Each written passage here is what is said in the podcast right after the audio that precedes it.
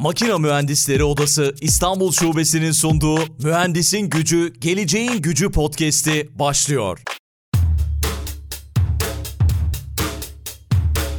Mühendisin Gücü, Geleceğin Gücü podcast'inin yeni bölümüne hepiniz hoş geldiniz. Bu bölümde Amerika Birleşik Devletleri'ne gideceğiz. Yine ilginç bir hikaye bizlerle birlikte olacak.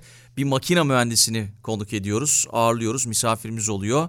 Daha doğrusu burada buluşuyoruz onunla birlikte. Amerika Birleşik Devletleri'nde Amerikan donanmasına işler yapan bir firmanın, bir şirketin baş mühendisi kendisi. Ömür Akkuzu. Ömür şu anda karşımda. Ömür selamlar, hoş geldin. E, selam Aykut, nasılsın? Nasıl keyifler? Çok sağ ol, çok iyiyiz, harikayız. Umarım sen de iyisin. Gayet iyiyim. Güzel bir buluşma oldu. Uzun zamandır da planlıyoruz. Merak ettiğim birçok şey var aslında Amerika ile ilgili. Tabii ki yaptığın işle de ilgili çok fazla merak ettiğim şey var.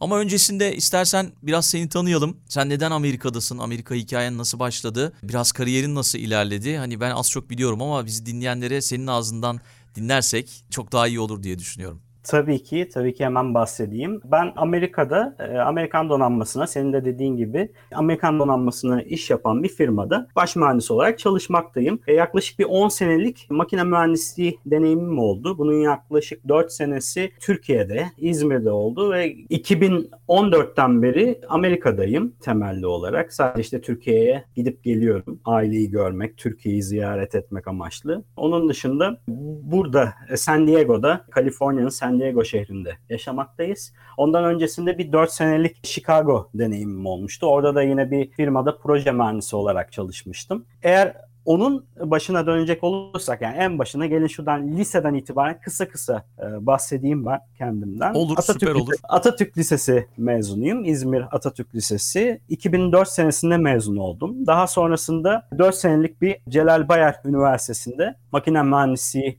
bölümünde 4 sene zaman geçirdim diyebiliriz. Orada bir 4 senelik eğitim süreci gerçekleşti.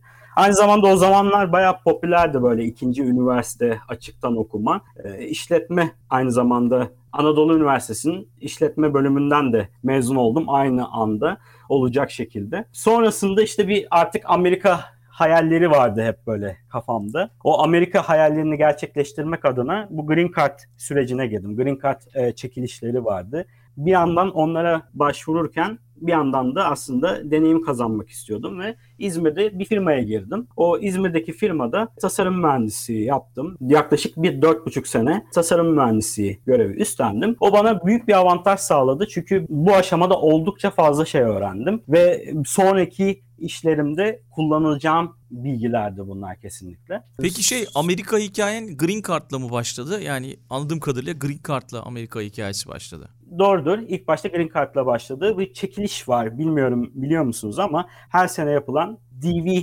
Lottery diye geçen bir çekiliş söz konusu.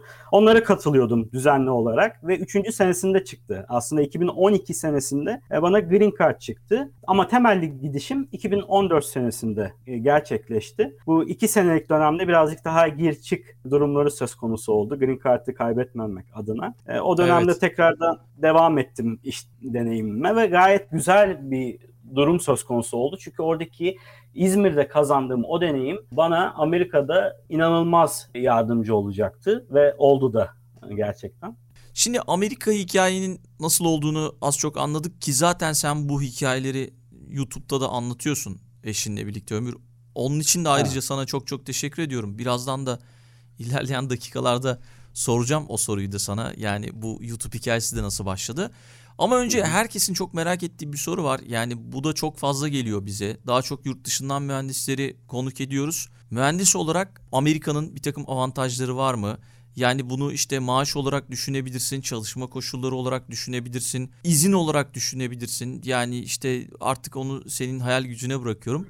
Ne gibi avantajlar var senin e, açından bunu dinlemek isterim açıkçası. E, tabii ki yani burada Baya bir talep var sonuçta mühendisliğe. O talebin olması güzel bir şey. Talep olunca arz da oluyor ve bunu birbirini karşılayabiliyor. En önemlisi bu sanırım. Daha çok Pardon. hangi mühendislere talep var? Hani senin gözlemin belki istatistikleri tam olarak %100 bilmiyorsundur ama. Evet yani aslında buranın güzel yanı her mühendislik dalında güzel bir talep var. Ama hangisi daha fazla dersen benim bakış açımla makine mühendisleri ve özellikle bu dijital dünyanın e, büyümesiyle bilgisayar yazılım mühendisleri oldukça talep gören meslek dalları ve bu yönde çok büyük bir talep var yazılım mühendisi olsun, makine mühendisi olsun. Aynı zamanda tabii ki yani diğer mühendislik dallarında da kesinlikle bunu yok sayamayız ama inşaat mühendisi, onun dışındaki elektronik mühendisleri bunlar da güzel talep gören mühendisler ama ilk başa hangilerini koyacaksın dersen e, bilgisayar, yazılım mühendisi e, ve makine mühendislerini koyabilirim kesinlikle. Dijital dünya zaten günümüzün dünyası ve tabii ki doğal olarak da teknolojinin çok daha fazla olduğu bir ülke olduğu için Amerika evet. teknoloji geliştiren ve teknoloji satan bir ülke olduğu için daha doğrusu yazılım evet. da diyebiliriz yani. O yüzden o alanlara ilgi olması normaldir diye düşünüyorum. Mühendislik mesleğini yanılmıyorsam en çok maaş alan iş gruplarından biri.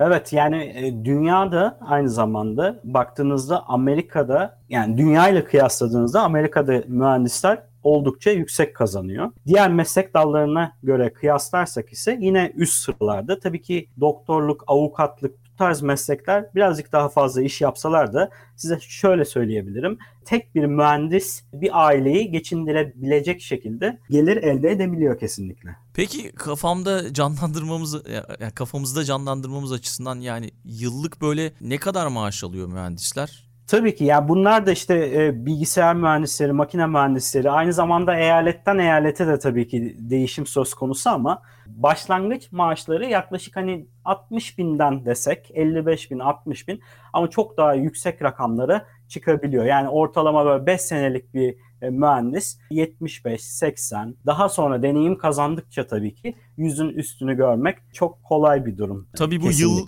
yıllık bürüt ücret değil mi? Tabii kesinlikle Türkiye'den yıllık bürüt olarak. ücret. Evet yani kesinlikle çünkü Amerika'da hep bu şekilde adlandırılıyor ve vergiler de değiştiği için hep bürüt üzerinden konuşuluyor. Çünkü hem eyaletten eyalete değişiyor aynı zamanda kişinin durumundan durumuna da değişiyor. Mesela eğer ben evliysem ona göre daha az vergi verirken çocuğum varsa daha da az vergi veriyorum. Yani o yüzden hani Türkiye'deki gibi böyle standart bir vergi kesimi söz konusu değil kesinlikle. O yüzden hep brüt maaşlar üzerinden e, konuşuluyor. Evet evet Almanya'da da öyle. Yani işte Hı. iki çocuğunuz varsa, üç çocuğunuz varsa dediğin gibi farklı farklı kesintiler olabiliyor. Gerçi Türkiye'de de hani işte ona göre çocuk yardımı, aile yardımı, çocuk parası gibi ha. paralar alabiliyorsun ama tabii onlar çok daha fazla oturmamış durumda Türkiye'de. Bu soruyu neden sordum sana? Yani bu maaş konusunu Makine Mühendisleri Odası'nın da geçtiğimiz yıl bir araştırması olmuştu bu konuda. Orada da şunu görmüştük. İşte İstanbul'daki mühendisin aldığı maaşla İzmir'dekinin, Ankara'dakinin ya da farklı illerdeki e, mühendislerin aldığı maaşlar farklı farklı çıkmıştı. Ki benzer ha. bir durumda Amerika'da da var anladığım kadarıyla. Kesinlikle eyaletten eyalete, aynı zamanda şehirden şehire tamamen aslında işte talep ve arz meselesi. Yani sonuçta mesela San Diego'da yaşıyoruz biz. Kaliforniya'nın San Diego şehrindeyiz. Buradaki mesela nasıl kiralar daha fazlaysa çünkü sebebi de güzel bir şehir. Devamlı böyle havanın gayet tatlı olduğu, günlük güneşlik olduğu bir şehir olunca talep daha fazla oluyor. Talep daha fazla olunca da tabii ki ona göre de kiralar artıyor, işte giderler artıyor. Giderler artınca da ister istemez de gelirin de artması durumunda aksi takdirde hani bir talep oluşmayacaktır yani kesin. Evet onu da konuşmuştuk. Mesela Silikon Vadisi'nde çalışan mühendislerin çok fazla kazandıklarını biliyoruz. Ama çok fazla kazanmaları çok da bir şey ifade etmiyor gibi bir bir şeyle karşılaşmıştım. Bir tespitle evet. karşılaşmıştım. Çünkü kiralar çok yüksek orada. Orada yaşamak çok pahalı.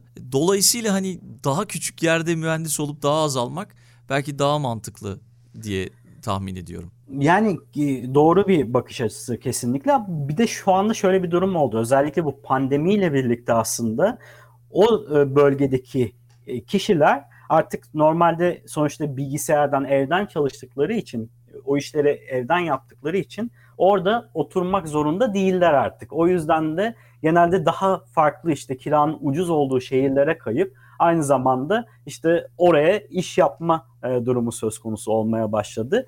Peki biraz iş süreçlerinden bahsedebilir misin? İş süreçleri nasıl? Kendi deneyimin nasıl oldu? Yani son şirketinde biraz e, gerçekten önemli bir görevdesin. Biraz belki bundan bahsedebilirsin. Tabii ki. E, zaten artık son işe girmem birazcık daha kolay oldu. Çünkü artık Amerika'da belli bir deneyime sahipsiniz. Öyle olunca belli bir referanslarınız var sonuçta. Belli bir e, zaman sonra Amerika'da zaman geçirdikten sonra artık deneyim sahibi olduktan sonra sonuçta işi bulma e, durumunuz daha kolay oluyor. Aslında ben birazcık daha böyle Amerika'da ilk geldiğim dönemden bahsedecek olursam 2014 senesinde gelmiştim. O dönem birazcık daha tabii ki acılı bir dönemdi. Çünkü hani daha Amerika'da ilksiniz. Hani belli bir deneyiminiz var ama Amerika'daki insanlar bunu tam bilemiyor. Sonuçta onlara kanıtlamak zorundasınız. O yüzden bir de tamamen şunu da e, bilmek gerekiyor. Mesela arkadaşlar bazen bana ulaşıyorlar, soruyorlar hani nasıl yapayım, özgeçmişi nasıl hazırlayayım ya da nasıl bir çalışma gerçekleştireyim iş bulma durumu için. Hep şunu diyorum ya aslında Amerika bambaşka bir e, dünya. O yüzden hani ona göre çalışmanız lazım. Yoksa hani sadece özgeçmişinizi İngilizceye çevirmekle maalesef o özgeçmiş güzel bir hale gelmiş olmuyor. Önemli olan o standartları yakalamak. Aynı zamanda hani beden dili bunlar sonuçta ülkeden ülkeye değişen şeylerdi. Sen de Aykut Almanya'da yaşıyorsun. Hani bunu sen de fark evet. etmişsindir ister istemez. E, sonuçta Türkiye'de ve Almanya'da her ne kadar hani ikisi de Avrupa'da olan ülkeler olsa da sonuç itibariyle aslında farklılıklar var diye ya düşünüyorum. Gideceğin yerin ya da işte başvuracağın ülkenin kültürünü tanımak çok çok önemli senin de dediğin gibi. Ona katılıyorum. Çünkü bizde doğru olanlar orada doğru olmayabilir veya bizde yanlış olanlar doğru orada doğru olabilir. Evet. Yani kesinlikle. Ya mesela mesela bir örnek verecek olursam burada bacak bacak üstüne atmak bir aslında özgüven gösterisiyken bu Türkiye'de belki karşındakini aşağılama e, tarzı bir şey olarak algılanan evet, saygısızlık durumdan duruma. olarak evet, saygısızlık daha evet, daha doğru bir kelime oldu. Saygısızlık kesinlikle. İşte mesela bunlara ben çok çalışmıştım. Yani o iki aylık bir iş arama sürecim oldu. Yani oturup böyle hani kendi özgeçmişimi bıraktım bir kenara. Sadece Amerika'da beden dili nasıl olur ve nasıl bunu geliştirebilirim?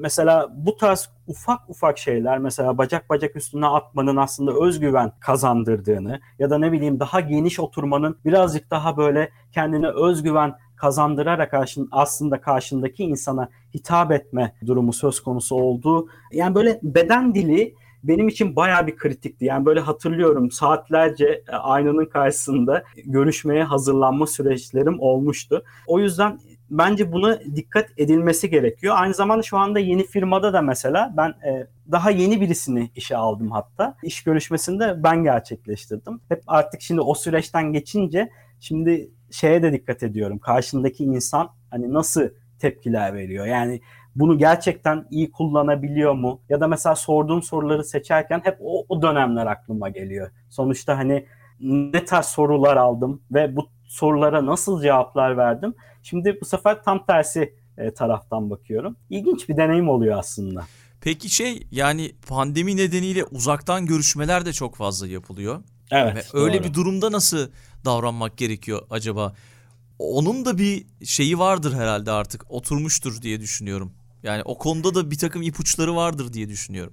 Evet yani maalesef e, uzaktan birazcık daha insanı etkilemek zor bir durum. Çünkü hani kamera karşısında özellikle beden dilinde çünkü el hareketleri olsun en azından hani görüntü var tabii ki ama yine de böyle birazcık daha aslında az samimi gelebiliyor insana. Onu kırmak açısından da e, tabii ki bazı taktikler yapılıyor. Özellikle işte kameranın merceğine bakma tarzında böyle birazcık daha bazı kriterler var. Ama ben genelde şu anda en azından bizim firmada yüz yüze görüşmeler gerçekleştiriyorum. E, o yüzden benim için o sıkıntı olmuyor ama tabii ki hani gerçekten kamera karşısında birazcık daha durum e, zor olabiliyor. Evet evet yani stajların biri artık online olduğu bir dönemde herkesin evet. bir de yani kamerası var, mikrofonu var, yayıncı olduğu bir dönemde ve bu çok çok önemli gerçekten senin söylediğin bu ipuçları. Peki yani birazcık şeyden bahsedelim. Böyle senin YouTube üzerinden eşinle birlikte yaptığın yayınlar var. Orada mesela En çok hangi sorularla karşılaşıyorsun? İnanılmaz bir talep var bu arada. Yani ben aslında bu kadar beklemiyordum. E, zaten hani ilk başta aslında bizim konumuz biraz daha farklıydı YouTube'da. Sonrasında buna e, birazcık daha döndü. Çünkü gerçekten iyi bir talep var. Çok soru alıyorum. Sadece Instagram, sadece YouTube'dan değil aynı zamanda Instagram'dan da soru geliyor. İşte ne gibi çalışmalar yapmalıyım tarzında sorular çok oluyor. Hani Amerika'ya geldiğimde, iş görüşmelerinde neler yapmalıyım, nelere dikkat etmeliyim, işte hangi eyalet seçimleri sizce benim meslek dalım için uygun tarzında sorular geliyor. Genelde işte Amerika'da yaşam üzerine bu sorular. Peki şey mesela YouTube üzerinden yaptığın harika yayınlar var. Hepsini takip ettim birçoğunu. Çok teşekkürler. Bu arada herkes de takip etsin mutlaka. Değerli bir kaynak bu arada. Bu fikir nasıl ortaya çıktı? Çünkü daha önce yine YouTube'da yayın yapan bir konuğumuz olmuştu. Acaba onunla aynı cevabı vereceksin merak ediyorum. Gerçekten o diğer cevabı merak ettim şu anda ama benim cevabım ne diye soracak olursan bir yandan aslında hobi gibi e, başladı. Bir yandan ise bizim artık biraz daha dijitale kayıyor. Yani burada işte örnek verecek olursak şu anda online olarak bunu gerçekleştiriyoruz bu e, podcast'i. Az önce bahsettik görüşmeler artık bilgisayar karşısında olmaya başladı.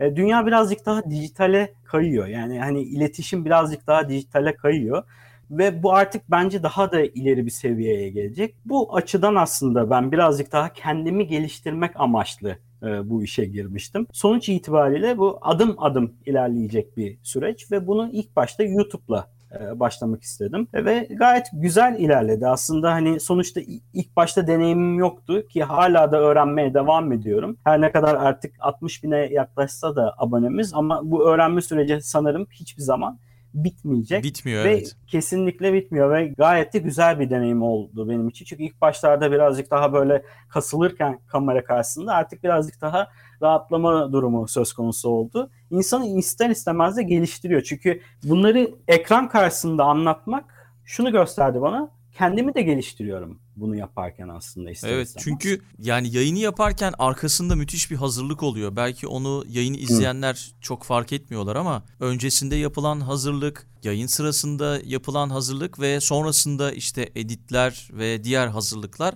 hepsi bir bütün gerçekten inanılmaz bir şey katıyordur ve katmıştır yani. Katmaya da devam edecek sana evet. ve tabii ki seni izleyenlere. Yani içerik üretmek kolay bir şey değil. Kesinlikle yani sen de bunu yapıyorsun sonuçta. İnsan şeyi görüyor. Ben daha önce mesela YouTube'da bir video izlediğimde hep şey derdim yani sonuçta 10 dakikalık video hani ne kadar arkasında bir çalışma olabilir diye. Sonrasında hani ne kadar yanıldığımı gördüm bunu yapmaya başladığımda. Hani eşimle birlikte yapıyoruz bu işi. Bazen 15 dakikalık bir videonun editlenmesi, çekimleri çok inanılmaz zamanları alabiliyor müzik seçimi olsun. Bazen 20 saat, 25 saat vaktimizi aldığı oluyor 15 e, dakikalık bir video. Evet evet yani ufak şeyler için epey bir vakit harcamak gerekiyor. Bu arada o diğer konuğumuzun cevabını söyleyeyim merak ettiğini. Evet merak cevabı. ediyorum kesinlikle. Ya o şöyle bir şey demişti. Yani tabii esprili bir yanıt vermişti. Yani zaten yurt dışında çalışmaya gelenlerin yüzde yetmişi bu tip yayınlar yapıyorlar gibi bir şey dedi. Hmm. Gülmüştük tabii orada ama sonra şöyle bir şey söyledi. İsveç'ten katılmıştı ve şöyle dedi. İsveç'te insanlar zaman zaman böyle işten sıkıldıkları zaman izin alabiliyorlarmış. Yani ben işten sıkıldım biraz rehabilitasyona girmek istiyorum dinlenmek istiyorum deyip böyle izin alabiliyorlarmış. Herhalde onun da yanılmıyorsam böyle bir dönemine denk gelmiş ve o sırada da ayağını kırıyor ve o hmm. sırada da böyle evde oturup canının sıkıldığı zamanlarda kendi kendine bu tip bir yayın yapsam nasıl olur fikri ortaya çıkıyor ve böyle bir yayın yapıyor. Aslında işte ama sonrasında senin de dediğin gibi bambaşka yerlere gidiyor. İnsan kendini ne kadar geliştirdiğini görüyor bu tip yayınlar yaparak. Kesinlikle aslında o arkadaşla da ortak bir noktamız varmış. Çünkü ben de o dönemde işi bırakmıştım. Hatta yani işten ayrılmıştım o dönemde. Chicago'dan San Diego'ya gelme sürecim olmuştu ve belli bir süre tamamen böyle kendimi kendime adadığım bir dönem oldu diyebiliriz. Ee, özellikle ara verdiğim bir dönemdi. Yaklaşık bir 6 aylık bir ara oldu ki bunu ben ikinci kez yaptım. Bazen insan gerçekten buna ihtiyaç duyuyor. Yani o dönemde kendini geliştiriyorsun ister istemez. Aynı zamanda ben de aslında o dönemde güzel aslında bir eşleşme oldu. O dönemde YouTube'a başlangıç yapmıştım. Harika gerçekten. Devam etmeni diliyoruz, takip ediyoruz da. Peki Teşekkürler. yanılmıyorsam senin yayınlarında görmüştüm bunu. Sponsorlukla Amerika'da mühendislik yapmak diye bir şey. Biraz bundan Evet. bahseder misin? Bu nedir acaba? E, tabii ki. Hatta orada bir arkadaşım, samimi olduğum bir arkadaşım katılmıştı. Şu anda kendisi Amazon'da e, yazılım mühendisi olarak çalışıyor. O sponsorlukla mesela Amerika'da, Amazon'da bilgisayar mühendisliği yapıyor. Benim burada direkt sponsorluk deneyimim olmadı ama mesela arkadaştan e, duyduğum kadarıyla çünkü ben hani Green Card'da zaten çalışma izniyle geldim. E, arkadaştan duyduğum kadarıyla yani sonuçta şunu fark edebiliyorsunuz. Türkiye'de okuyup sponsorlukla buraya gelip Amazon gibi yani artık Amerika'nın yanlış hatırlamıyorsam üçüncü büyük şirketi diyebiliriz. İlk sırada galiba Walmart var yanlış hatırlamıyorsam. Yani ilk üçte en azından Evet. büyük bir firmada Apple da e, var yazılım galiba. mühendisi. Aynen. Apple, Walmart bir de galiba Amazon. Bu Hı hı. ilk üçlü de galiba Apple birinci sırada, ikinci sırada Walmart, e, üçüncü sırada da Amazon diyebilirim. Ama tam bakmak lazım. Zaten devamlı değişiyor onların Evet evet. e, sıralaması. Yani bayağı büyük bir firmada yazılım mühendisi olarak kesinlikle hiçbir torpil olmadan o e, seviyeye gelebilmiş bir arkadaş mesela. Ondan bahsetmiştik e, sponsorlukla nasıl geldi diye. Bu tamamen aslında kendini geliştirmekle ilgili bir durum. Mesela bazen hatta arkadaşlar yazıyor hani bir tanıdığınız vardı da o şekilde mi oldu bu işler diye. Kesinlikle hem bende olsun hem o arkadaşta olsun sponsorlukla gelen mesela arkadaşta herhangi bir network ya da herhangi böyle bir iletişim kurarak değil de kendi çabalarıyla sonuçta kendini geliştirmekle iş görüşmesinde neler yapabilirim? Doğru zamanda doğru adımlar atarak aslında bu gerçekleşebiliyor. Sponsorluk tabii ki e, zor bir süreç. Neden zor bir süreç? Çalışma ve oturma izniniz yok ve Amerika'ya dışarıdan gelmek isteyen çok insan var. Çok büyük bir talep var. Kolay olmayacaktır süreç. Ama aynı zamanda imkansız da değil. Bunu biraz daha o videoda da göstermek istemiştik. Hatta şöyle bir yorum gelmişti. Ben mesela Celal Bayar Üniversitesi'nden mezunum. Arkadaş Kocaeli Üniversitesi'nden mezundu. Hatta orada bir yorum vardı. O yorum mesela çok dikkatimi çekmişti. Aslında bu yorumla ne demek istediğimi belki anlayacaksın. Evet. Bu arkadaş Az çok birazcık tahmin daha- ediyorum şu anda. e, bu arkadaş aslında biraz daha küçümser bir yorum. Artık bilmiyorum nasıl ne düşündü ama bu nedir abi demiş. Hani Celal Bayar Üniversiteliler, Kocaeli'liler Amerika'da mühendislik yapıyor. Ben İTÜ'den e, sağ çıkıp yurt dışına çıkamazsam fena söylenirim tarzında bir yorum vardı orada. Şimdi burada şu durum söz konusu. Hatta ben de onun altına esprili bir yorum yapmıştım. Ne demiştim? E, işte yaptığın işte başarılı olmak için okuduğun okuldan ziyade kendini geliştirmek olduğunu anladığın zaman belki sen de şirinleri görebilirsin diye böyle hani esprili bir aslında cevap vermiştim. Şöyle bir durum var. Tabii ki üniversitenin önemi e, var yani yok değil ama aynı zamanda esas olay üniversitede değil esas olay kendini geliştirmekte diyebiliriz hı. kesinlikle. Evet. Çünkü kendini geliştiremezsen bu maalesef olmuyor. Şundan bahsedeyim. Kesinlikle tabii ki üniversiteler önemli insana değerler katabiliyor. Ama esas olay çok çok zaman harcayıp ben ne yapabilirim diye onun üzerine çalışmakta geçiyor diyebilirim kesinlikle. Peki tam da burada o zaman e, şu soruyu yönelteyim sana. Kendini geliştirmek dedin. Hangi üniversiteden mezun olduğun ya da hangi üniversitede okuduğunun çok fazla da önemi yok senin de dediğin gibi. Burada biraz daha dünyayı okumak, kendini geliştirmek, hangi mesleklerin daha doğrusu hangi mesleklerin ilerleyeceğini öngörmek çok çok önemli. Onun için de dediğin gibi kendini geliştirmek ön planda oluyor. Peki Makine Mühendisleri Odası İstanbul Şubesi de böyle bir podcast gerçekleştiriyor. Ve onun dışında da gerçekten odaların da bu anlamda insanların yani mühendislerin ya da işte farklı meslek gruplarının kendilerini geliştirmeleri açısından önemi büyük. Senin de geçmiş dönemde odalarda aktif çalıştığını ben biliyorum ve bu anlamda odaların önemi üzerine birkaç cümle de senden almak isteriz. Tabii ki ben özellikle üniversite döneminde İzmir İzmir'deydim ben. O dönem 2004 ile 2008 seneleri arasında aktif bir şekilde odada ben de görev almıştım. Temsilcilik görevi yapmıştım. Öğrenci temsilciliği. Orada öğrenci komisyonunda aktif bir şekilde rol almıştım orada. Bayağı güzel etkinlikler de yapıyorduk. Hatta şehir dışında Bursa olsun, İstanbul olsun, Ankara olsun bazı firmalarla görüşüp onlara böyle teknik geziler ayarlıyorduk. Oldukça keyifli etkinliklerdi bunlar. Aynı zamanda insana değer katan etkinliklerde. En önemlisi bu. bu ve bu konuda İzmir Makine Mühendisleri Odası'nın e, oldukça büyük desteğini gördüm ki eminim diğer odaların da İstanbul olsun, Ankara olsun, diğer şehirlerdeki odaların da buna e,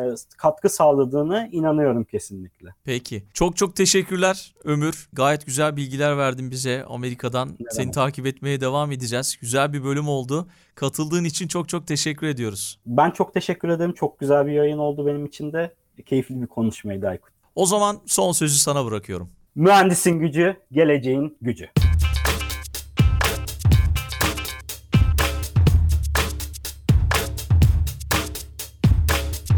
Makina Mühendisleri Odası İstanbul Şubesi'nin sunduğu Mühendisin Gücü, Geleceğin Gücü podcast'i sona erdi.